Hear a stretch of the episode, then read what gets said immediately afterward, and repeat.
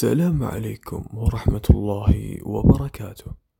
في حلقتنا اليوم سنتحدث عن أنابيب الكربون النانوية، ما هي وكيف تصنع ولماذا تستخدم. الكربون هو رابع أكثر العناصر وفرة في الكون، واعتمادا على ترتيبات ذرات الكربون يتخذ مجموعة متنوعة من الأشكال تظهر خصائص فريدة للقوة والتوصيل الكهربائي. يتكون الكربون الصلب في درجة حرارة الغرفة من بنيتين تقليديتين الماس والجرافيت. في عام 1985 كان اكتشاف وجود شكل ثالث وجديد يحتوي على 60 ذرة كربون مرتبة بشكل متماثل تعرف أيضا باسم C60 أو الفوليرين وقد تحدثنا عنها سابقا. ثم في عام 1991 تم اكتشاف الأنابيب النانوية الكربونية والتي سنتحدث عنها اليوم. أما الجرافين فقد اكتشف في عام 2004 وقد خصصنا حلقة كاملة عنه في الموسم الأول. ما هي أنابيب الكربون النانوية؟ أنابيب الكربون النانوية عبارة عن جزيئات أسطوانية تتكون من صفائح ملفوفة. من ذرات الكربون أحادية الطبقة وهناك نوعين للأنابيب النانوية الكربونية.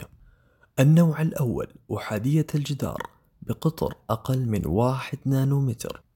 أما النوع الثاني متعددة الجدران وتتكون من عدة أنابيب نانوية متحدة المركز. بأقطار تصل إلى أكثر من 100 نانومتر.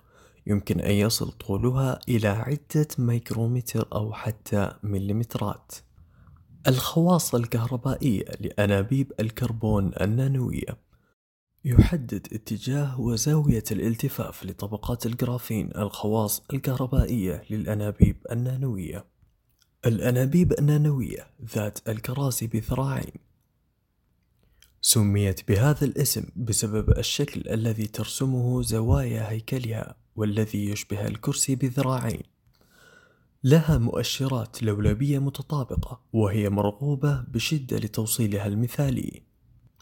على عكس الأنابيب النانوية المتعرجة والتي قد تكون أشبه موصلات سيؤدي تغيير زاوية طي صفيحة الجرافين بمقدار 30 درجة فقط إلى تغيير الأنبوب النانوي الذي يتكون من كرسي بذراعين إلى متعرج أو العكس. تتميز أنابيب الكربون النانوية متعددة الجدران بنفس مستوى توصيلية المعادن.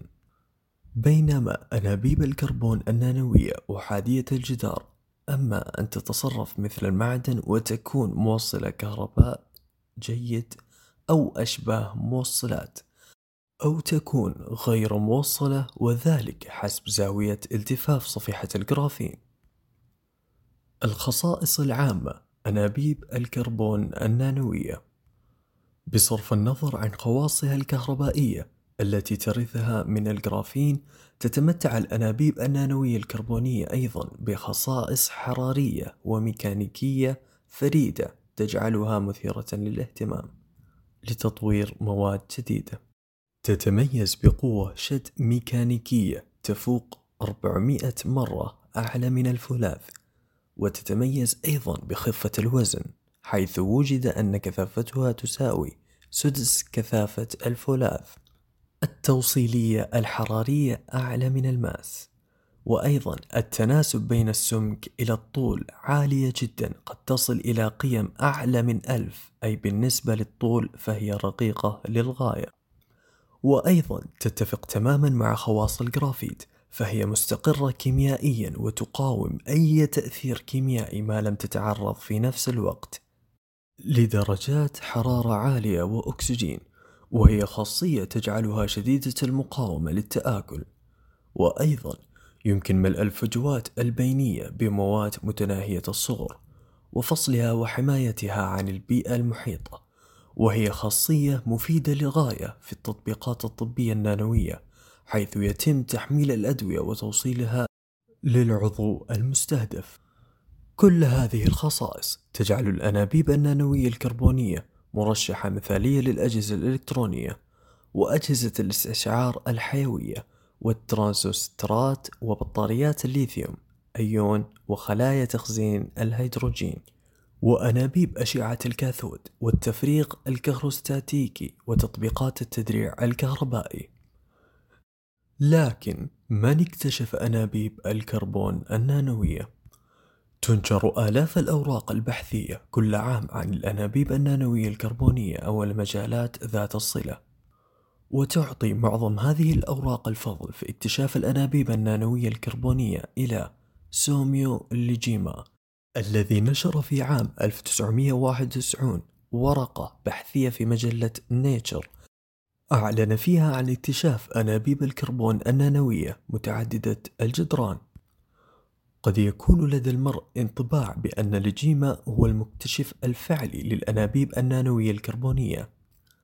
إلا أن التحليل الدقيق للمنشورات العلمية يشير إلى أنه بالتأكيد ليس أول من أبلغ عن وجود أنابيب الكربون النانوية.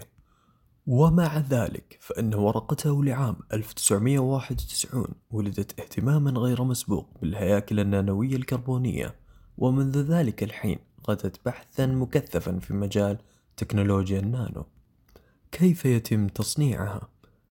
تم تطوير تقنيات متعددة لإنتاج الأنابيب النانوية بكميات كبيرة بما في ذلك تفريغ القوس الكهربي والاستئصال بالليزر وترسيب البخار الكيميائي. تتم معظم هذه العمليات في وسط مفرغ أو في وجود غازات معالجة.